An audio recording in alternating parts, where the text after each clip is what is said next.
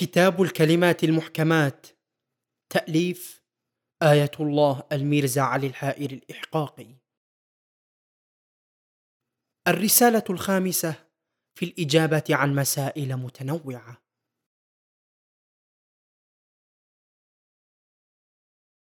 بسم الله الرحمن الرحيم. الحمد لله رب العالمين. والصلاة والسلام على خير خلقه ومظهر لطفه. وأشرف بريته محمد وأهل بيته الطيبين الطاهرين الذين علاهم بتعليته وسما بهم إلى رتبته ولعنة الله على أعدائهم ومخالفيهم وغاصبي حقوقهم الذين هم شر خليقته. وبعد فيقول الأحقر الفاني علي بن موسى الحائري عفى الله عن آثامه. وجعل مستقبله خير أيامه. إن في اوان توجهي إلى زيارة سيدي ومولاي أبي عبد الله الحسين عليه السلام لدرك فضيلة نصف شعبان تحت قبته. وذلك في العشرين من شهر رجب المرجب من سنة الألف والثلاثمائة والخامسة والستين من الهجرة. أورد علي مسائل نفيسة جناب الأجل الأكرم والخل المعظم صاحب الفضل والمنبر وذي الشرف والفخر الصفي الوفي الملا مكي بن المرحوم الحاج قاسم بن أحمد بن مدن ابن الشيخ حسن الجارودي الخطي. سلمه الله وأبقاه ومن كل مكروه حرسه ووقاه. يريد مني جوابها وكشف نقابها وحيث كنت على جناح سفر تأخر إنجاز ما أراد إلى بعد قضاء الوطر. ولدى قفولي إلى الأحساء سارعت إلى الجواب سائلا من الله تعالى وأوليائه الأطهار الهداية إلى الصواب مع ما أنا عليه من كثرة الأشغال وتبلبل البال لكن لا يسقط الميسور بالمعسور والله حسبي وعليه توكلي في كل الأمور وجعلت سؤاله كالمتن وجوابي له كالشرح. قاله سلمه الله تعالى بعد السلام والثناء على حسب حسن ظنه. المسألة الأولى تأويل فقلنا اضرب بعصاك الحجر إلى آخره. الأولى ما يقول شيخنا أيده الله في تأويل قوله تعالى وإذ قلنا يا موسى اضرب بعصاك الحجر فانفجرت منه اثنتي عشرة عينا فمن موسى ومن العصا وما الحجر وما العيون. أقول ولا قوة إلا بالله إن الآية الشريفة ليست كما ذكره السائل سلمه الله تعالى بل هي في سورة البقرة هكذا وإذ استسقى موسى لقومه فقلنا اضرب بعصاك الحجر فانفجرت منه اثنتا عشرة عينا. قد علم كل أناس مشربهم وفي سورة الأعراف هكذا. وأوحينا إلى موسى إذ استسقاه قومه أن اضرب بعصاك الحجر. فانبجست منه اثنتا عشرة عينا. قد علم كل أناس مشربهم. ومراد السائل سلمه الله تعالى هو الكشف عن تأويل الآية الشريفة وباطنها لا ظاهرها لأن ظاهرها معروف مشهور لا خفاء فيه. ومع ذلك لا بأس إن أشرنا إلى الظاهر اختصارا ثم عطفنا الكلام إلى الباطن. التفسير الظاهر. فنقول لما اشتد العطش في التيه على بني إسرائيل التجأوا إلى نبيهم نبي الله موسى عليه السلام وتضرعوا إليه فسأل الله تعالى أن يسقيهم فأوحى الله إليه أن اضرب الحجر بعصاك التي كانت لك آية باهرة التي ضربت بها البحر فانفلق والتي صارت ثعبانا تلقف ما يأفكون وهي التي حملها آدم من الجنة إلى الأرض فكانت عند نبي الله شعيب عليه السلام فدفعها إلى موسى وكان طولها عشرة أذرع كطول موسى ولها شعبتان تتقدان في الظلمة نورا فضرب بها الحجر داعيا بمحمد وآله الطاهرين عليهم السلام. وكان ذلك حجرا مخصوصا كما كانت العصا كذلك وما كان من عرض سائر الأحجار كما قيل. بل روي أنه نزل من الجنة كما في التفسير المسمى ببيان السعادة عن إمامنا الباقر عليه السلام أنه قال نزلت ثلاثة أحجار من الجنة مقام إبراهيم وحجر بني إسرائيل والحجر الأسود. فكما أن العصا كانت آية باهرة كذلك كان ذلك الحجر. فلذا إذا ظهر الحجة المنتظر عجل الله فرجه. حمل معه ذلك الحجر فينادي مناديه ألا لا يحملن أحدكم طعاما ولا شرابا؟ ولا ينزل منزلا إلا انفجرت من ذلك الحجر عيون. فمن كان جائعا شبع ومن كان ظمانا روي ورويت دوابهم حتى ينزلوا ظهر الكوفة النجف. فلما ضرب موسى بعصاه الحجر انفجرت كما في سورة البقرة وانبجست كما في الأعراف.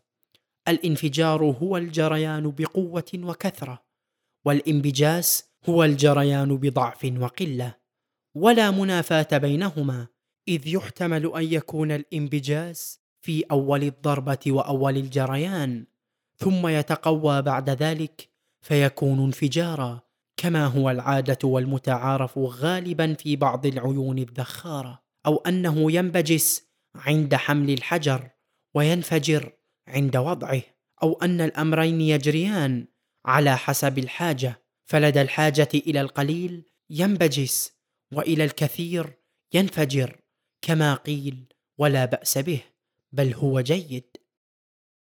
قال تعالى فانفجرت منه اثنتا عشرة عينا قد علم كل أناس مشربهم. العيون على عدد الأسباط حيث كانوا اثني عشر سبطا فلكل سبط عين ماء عذب فرات في جدول خاص إلى ذلك السبط على قدر حاجته.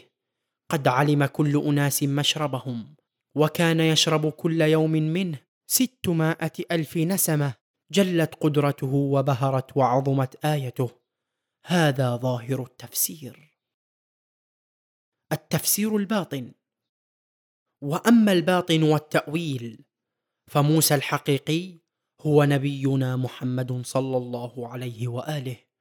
وموسى نبي إسرائيل إنما سمي موسى لأن آل فرعون التقطت صندوقه الذي كان فيه من نهر النيل بين الماء والشجر فسموه موشى بالشين المعجمة على اللغة العبرانية كلمة مو عبارة عن الماء وشا عن الشجرة فلما نقل إلى العربية قيل موسى بالسين المهملة.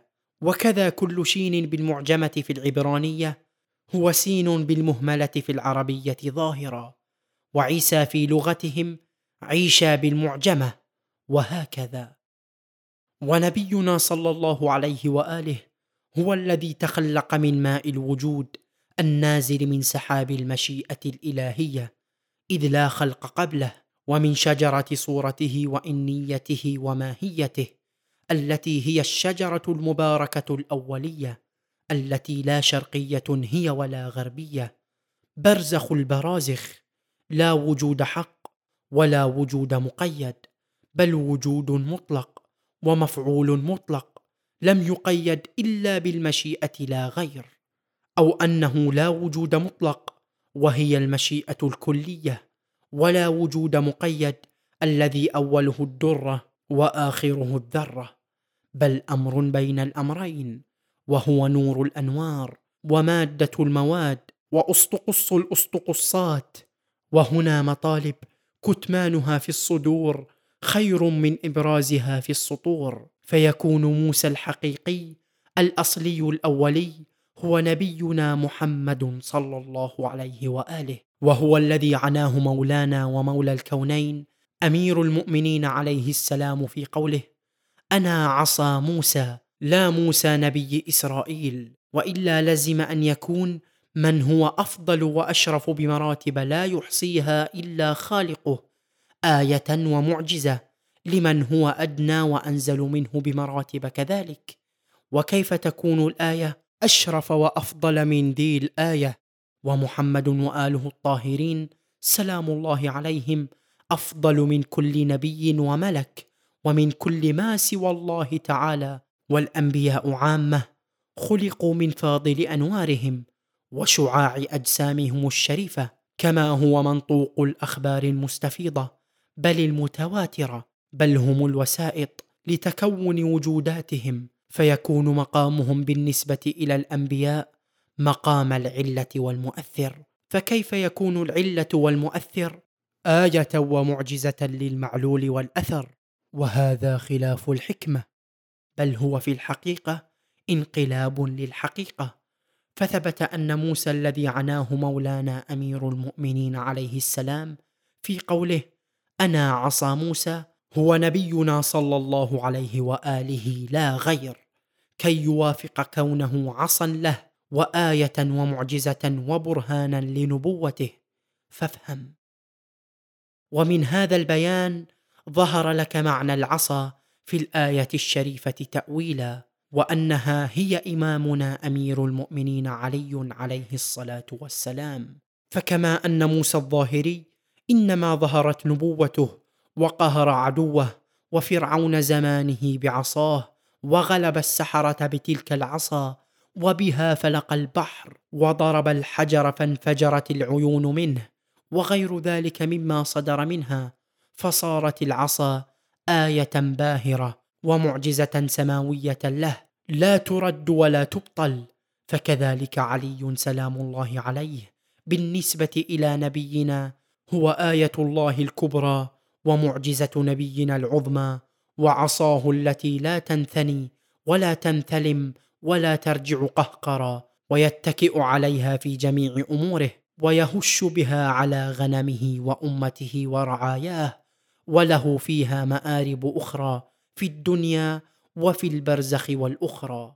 وما ظهرت بل وما استقرت نبوته إلا بعلي عليه السلام بل لم يؤمر بالتبليغ وإظهار البعثة إلا بعد تولده عليه السلام وبلوغ سنه عشر سنوات فشد به أزره وأشركه في أمره. وأيده به ونصره فجعل يدافع عنه ويذب عنه الجهال وعتاة المشركين وطغاة المنافقين ويرغم آناف صناديد قريش وما حضرت معضلة إلا كشفها علي عليه السلام ولا مشكلة إلا وحلها ولا كربة إلا وفرجها ولا غزوة إلا وحضرها وصار الفتح والنصر على يديه ولا زال يغوص الشدات وينغمر في لجج الكربات فيتخلص عنها نجيا وينجو منها ظافرا مهديا. وما برح يكشف الكرب عن وجه رسول الله صلى الله عليه وآله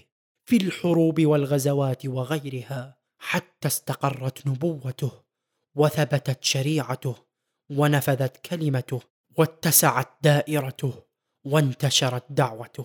فكان له صلى الله عليه وآله كما أفصحت عنه سكنه وزوجته وكفوه رضيعة الوحي وأرض الولاية في خطبتها قائلة أو نجم قرن للشيطان وفغرت فاغرة من المشركين قذف أخاه في لهواتها فلا ينكفئ حتى يطأ صماخها بأخمصه ويخمد لهبها بسيفه مكدودا في ذات الله مجتهدا في أمر الله قريبا من رسول الله سيدا في أولياء الله مشمرا ناصحا مجدا كادحا إلى آخره.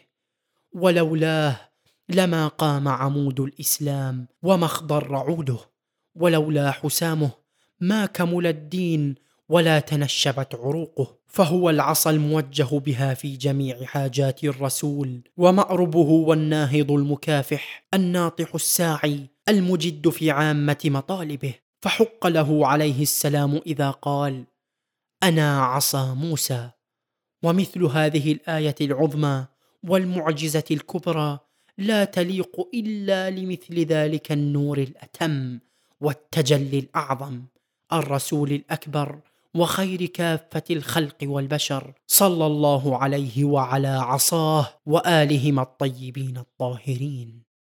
وأما الحجر في تأويل الآية فهي سيدتنا الزهراء والصديقة الكبرى التي على معرفتها دارت القرون الأولى كما في أمالي الشيخ عن الصادق عليه السلام. وكما أن ذلك الحجر نزل من الجنة كما مر في الرواية عن إمامنا الباقر عليه السلام فكذلك هذه السيدة الطاهرة. كان نورها مودعا في شجرة من أشجار الجنة كما عن عيون المعجزات.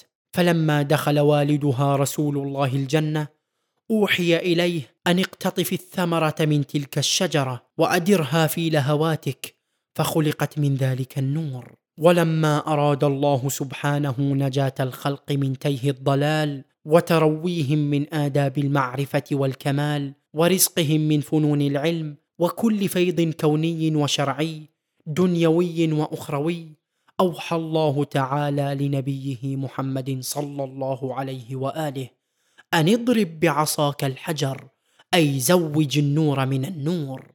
فنهض ممتثلا بأمر الله قائما بوظائف ذلك الازدواج مهتما لما قدر الله منهما من عظيم النتاج حيث قال تعالى مرج البحرين يلتقيان بينهما برزخ لا يبغيان إلى قوله تعالى يخرج منهما اللؤلؤ والمرجان بعدما جرى في الملأ الأعلى والعالم العلوي من الله سبحانه في هذا الزواج من الاهتمام وعظيم الاعتناء بما لم يجر لأحد من الأولين والآخرين من إجراء الله عز وجل. عقد المزاوجة بنفسه جل وعلا وخطبة راحيل عنه سبحانه في البيت المعمور في جمع من أهل السماوات. وترجمة جبرائيل أيضا عن الله جل وعلا بنظير تلك الخطبة وتزيين الجنان بأمر خازنها رضوان ونثار الياقوت والمرجان وجعل المهر والنحلة ربع الدنيا وأنهارها الأربعة العظمى وجنة المأوى والشفاعة الكبرى تدخل الجنة من شاءت من مواليها والنار من معاديها. وكل ذلك مقتضى الروايات الكثيرة وغير ذلك من عنايات الله تعالى وكرامته على هذه البضعة المباركة التي هي الحجر المكرم لتلك العصا. وهي الأرض المقدسة البيضاء لسماء الولاية الكبرى فلا موقع لتلك العصا إلا هذا الحجر كما أنه ليس لهذا الحجر قرين إلا تلك العصا. وأما تأويل العيون في الآية فهي الأئمة الاثنى عشر المنبجسة من الحجر المعنوي المتشعبة من تلك الأرض النقية النوراء وهم الهداة للخلق والدعاة إلى الحق كل في زمانه وأيامه على حسب الظاهر وفي جميع الأزمنة والدهور باطنا وواقعا. ما عرف أحد ربه وما علم الناس بل وكل الخلق على طبقاتهم مشربهم إلا بهم وبواسطتهم. وما وصل لأحد من خير أو فيض أو علم إلا منهم وعنهم وبهم. فهم أصل كل خير في جميع العوالم كما في نص الزيارة الجامعة ومبدأ كل فيض ومعرفة لعامة الخلق من الملائكة المقربين والأنبياء المرسلين جميعا إلا سيدهم محمدا صلى الله عليه وآله. وكل طبقة من المخلوقات يتلقى الفيض عنهم عليهم السلام من الله تبارك وتعالى. وكل أحد على مقدار إقباله وسؤاله ينال من فضلهم وجودهم وهذا تأويل قوله سبحانه فسالت أودية بقدرها. فهم العيون المتفجرة العذبة لما سوى الله على مراتبهم ودرجاتهم من سلسلة الموجودات فخذها قصيرة من طويلة. وهذا التأويل المذكور للعصا والحجر والعيون مستفاد من بيانهم وتفسيرهم وعليك بكتاب صحيفة الأبرار في الصفحة 150 الحديث التاسع من الجزء الثاني حيث قال وفيه أي في كتاب الحسين بن حمدان مسندا إلى جابر الجعفي. قال قال سيدي الباقر محمد بن علي عليهما السلام في قوله عز وجل وإذ استسقى موسى لقومه فقلنا اضرب بعصاك الحجر فانفجرت منه اثنتا عشرة عينا.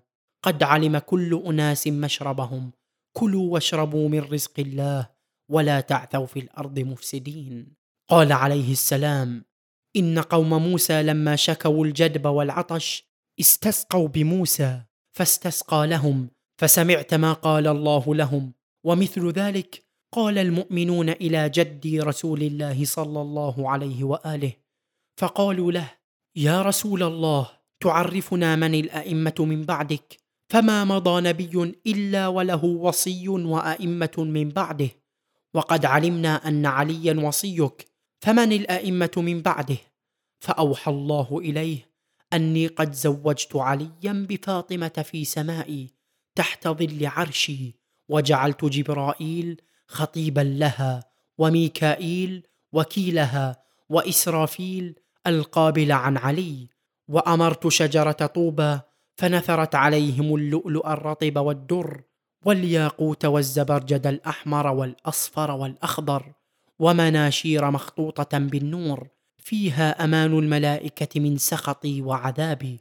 فنثار فاطمة تلك المناشير في أيدي الملائكة يفتخرون إلى يوم القيامة وجعلت نحلتها من علي ونحلتها عني خمس الدنيا. وثلثي الجنة وجعلت نحلتها في الأرض أربعة أنهار الفرات ونيل مصر وسيحان وجيحان فزوجها أنت يا محمد بخمسمائة درهم تكون إسوة بها لأمتك بابنتك فإذا زوجت فاطمة من علي فعلي العصا وفاطمة الحجر. يخرج منها أحد عشر إماما من صلب علي يتم اثني عشر إماما لعلي حياة لأمتك. تهتدي كل أمة بإمامها في زمنه ويعلم كل قوم مشربهم كما علم قوم موسى مشربهم. فهذا تأويل هذه الآية. وكان بين تزويج علي بفاطمة في السماء وتزويجها في الأرض أربعون يوما. انتهى الحديث الشريف. فقد صرح الإمام عليه السلام بأن العصا علي والحجر فاطمة. والعيون الأئمة الاثنا عشر فإن قلت إذا كان العصا هو أمير المؤمنين والحجر فاطمة الزهراء والذين تولدوا منهما هم أحد عشر إماما فأين الاثنتا عشرة عينا؟ فإن عد علي من العيون لتكميل الاثنتي عشرة فأين العصا؟ ومن تكون هي؟ والمفروض أنه هو العصا. قلت إن لأمير المؤمنين مقامين ورتبتين. مقام به يختص ولا يشاركه أحد من الأئمة ولا غيرهم من الأنبياء والأوصياء. وهو مقام كونه أصلا للتفاصيل ومقام كونه سيد الأوصياء وأميرهم يميرهم العلم ميرا. فلذا لا يجوز لغيره أن يقال له أمير المؤمنين لأن المؤمنين الحقيقيين هم الأئمة أولاده الطاهرون فلا يكون غيره اميرا لهم ففي هذا المقام هو سلام الله عليه عصى لا غير ولا يشاركه غيره. والمقام الثاني مقام كونه اماما للخلق كسائر الأئمة وهاديا لهم تنتفع الخلق منه كما تنتفع منهم ويأخذون أحكامهم ومعالم دينهم منه. كما يأخذون من باقي الأوصياء ويهتدون بنوره وعلومه كما يهتدون بنور سائر الأئمة وعلومهم ويعرفون به ربهم وخالقهم كما يعرفون بأولاده المعصومين. ففي هذا المقام يكون علي عليه السلام مساويا مع أولاده الأئمة عليهم السلام في سد احتياج الخلق وكفاية أمورهم وهدايتهم ودعوتهم إلى الله تعالى. وإن كان أفضلهم وسيدهم فهو حينئذ عين من العيون وقائد من القادة وسيد من السادة يشارك الأئمة في وظيفتهم ولباسهم بخلاف مقام كونه عصا فإنه مقام يمتاز به ويختص له ولا يشاركه أحد فيه بوجه وهو سلام الله عليه في مقام كونه عصا غير مقام كونه عينا من العيون فلا ينافي أنه مع كونه عصا. في المقام الأول يكون مكملا لعدد العيون الاثنتي عشرة في المقام الثاني فهو من جهة عصا ومن جهة عين من العيون. فارتفع الإشكال بحول الله فخذها وكن من الشاكرين. ونظيره في هذا الإشكال والجواب عنه الحديث المعروف أن نبينا محمدا صلى الله عليه وآله لما سبح في البحور الاثني عشر ثم إلى تمام العشرين وتمت سبحاته في هذه الأبحر قطرت منه مائة ألف قطرة وأربع وعشرون ألف قطرة.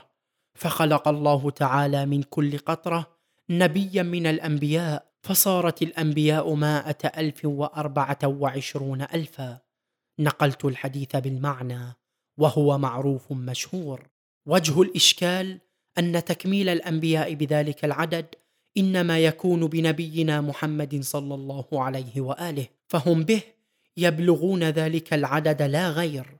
والحال أن الظاهر من هذا الحديث أن ذلك العدد خلقوا من قطراته فيكون هو غيرهم لأن القطرات غير المقطور منه فإما أن يكون عدد الأنبياء زائدا على ذلك العدد أن يكون عدتهم مائة ألف وأربعة وعشرون ألفا وواحدة بنبينا محمد صلى الله عليه وآله وهو خلاف المتفق عليه بين المسلمين. وإما أن تكون القطرات ناقصة بقطرة واحدة حتى يكون بنبينا مكملا لعدتهم وهو خلاف ظاهر الحديث في عددها.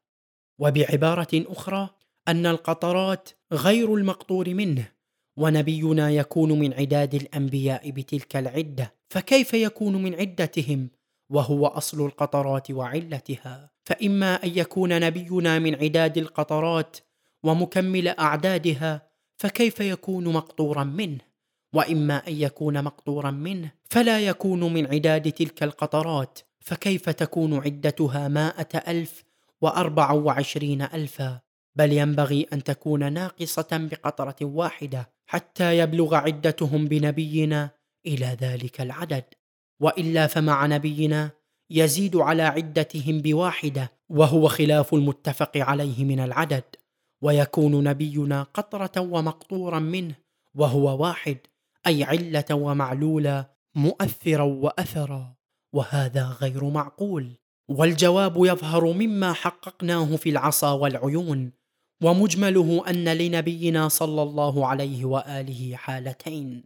الحالة الأولى هو فيها علة الخلق جميعا وواسطة بين الله والأنبياء وهم طرا مخلوقون من أشعة نوره إذ كان صلى الله عليه وآله سراجا منيرا لعالم الإمكان والأكوان لا سراج هناك غيره وهو قوله تعالى انا ارسلناك شاهدا ومبشرا ونذيرا وداعيا إلى الله باذنه وسراجا منيرا فهو وقتئذ هو السراج وحده لا سراج غيره فتكون الانبياء اشعه له ومعلولين لوجوده ومستضيئين كالكواكب من شمس حقيقته والحاله الثانية انه يلبس بامر الله لباس النبوه فيصير كاحد الانبياء أرسله الله تعالى لهداية البشر وإنقاذهم من حيرة الضلالة وعبادة الأوثان والدعوة إلى الله سبحانه وتكميل آدابهم وتتميم محاسن أخلاقهم كما أرسل سائر الأنبياء وأوحى إليه كما أوحى إليهم وصدقه بالمعجزات وخوارق العادات كما صدقهم فهو في هذا المقام واحد منهم بيد أنه خاتمهم لما كان سيدهم وأفضلهم. فلذا كان يقول أخي إبراهيم وأخي موسى وأخي عيسى لجهة المماثلة في لباس النبوة كما كان يقول أخي جبرائيل مع أنه خادمهم وخادم شيعتهم والعبد والخادم لا يكونان أخوين للمولى والسيد. وحاشا ثم حاشا. والأخوة تستدعي المساواة والمماثلة وذلك لما لبس في عالم الأنوار لباس الأملاك. فعلمهم التسبيح والتحميد والتهليل والتكبير ومعرفة الرب وعبادته. فصار بذلك اللباس اخا لهم وكما أن أمير المؤمنين أمر ابنه الحسن قائلا امض إلى عمك الأسود المقطوعة يده وأتني به. فصار الأسود عما للإمام لما تلبس من المحبة والولاء والإيمان وكما أنه عليه السلام أيضا أمر جويرية وقال كن مع أخيك الأسد حتى تدفنه وكيف يكون الحيوان أخا للإنسان؟ وليس إلا لمماثلته معه في الإقرار بولايته والثبات والاستقامة. فأخوة الأنبياء لنبينا صلى الله عليه وآله كأخوة الملائكة المقربين له ليست إلا لتنزله إلى مقامهم وتلبسه بلباسهم في عالمهم وإلا فهو صلى الله عليه وآله لا مثل له ولا نظير أبدا وليس له أخ حقيقي إلا وصيه وابن عمه أمير المؤمنين عليه السلام لا غير فهو الذي كان نظيره ومثله في كل شيء إلا النبوة فلذا اختصه لنفسه يوم المؤاخاة واختاره أخا وما كانت تلك إلا مؤاخاة سماوية حقيقية تكشف عن الحقائق وتنطق عن رتب الخلائق وكيف لا يكون أخا حقيقيا له؟ وقد حكم الله سبحانه في آية المباهلة أنه نفسه في قوله تعالى وأنفسنا وأنفسكم وليس إلا لاتحاده معه في الصفات والشرف والرتبة والعلم والمعرفة. والحاصل أن نبينا صلى الله عليه وآله لما لبس لباس النبوة صار واحدا منهم ومن جملتهم ومكملا لعددهم وإن كان أفضلهم وأشرفهم وإن كانت أيضا نبوة عامة كلية ونبوة سائر الأنبياء بالنسبة إلى نبوته خاصة جزئية فهذا اللباس يعد قطرة من قطراته ورشحة من رشحاته وبهذا اللحاظ صار معدودا من سلسلتهم ومحسوبا من عدادهم وواحدا من عددهم بخلافه على اللحاظ الأول فإنه بذلك اللحاظ علة لهم وواسطة بينهم وبين بارئهم وشفيع لهم وصراطهم إلى الحق وبابهم للفيض الكوني والشرعي. فإذا أتقنت ذلك كله عرفت أن الأنبياء عليهم السلام مائة ألف وأربعة وعشرون ألفا ونبينا من ذلك العدد وداخل فيهم بلباس النبوة وهو مع ذلك لم يخل مقامه من كونه أصلا للقطرات والرشحات كما هو مقتضى الحديث المذكور. ولا يتوجه عليه أي إشكال ولا بعض سؤال فافهم واغتنم فإنك لا تجد نحو هذا البيان والتحقيق إلا ممن شرب من العين الصافية التي لا كدر فيها ولا ملوحة ولا مجاج وذاق من الحكمة التي لا خلل فيها ولا اعوجاج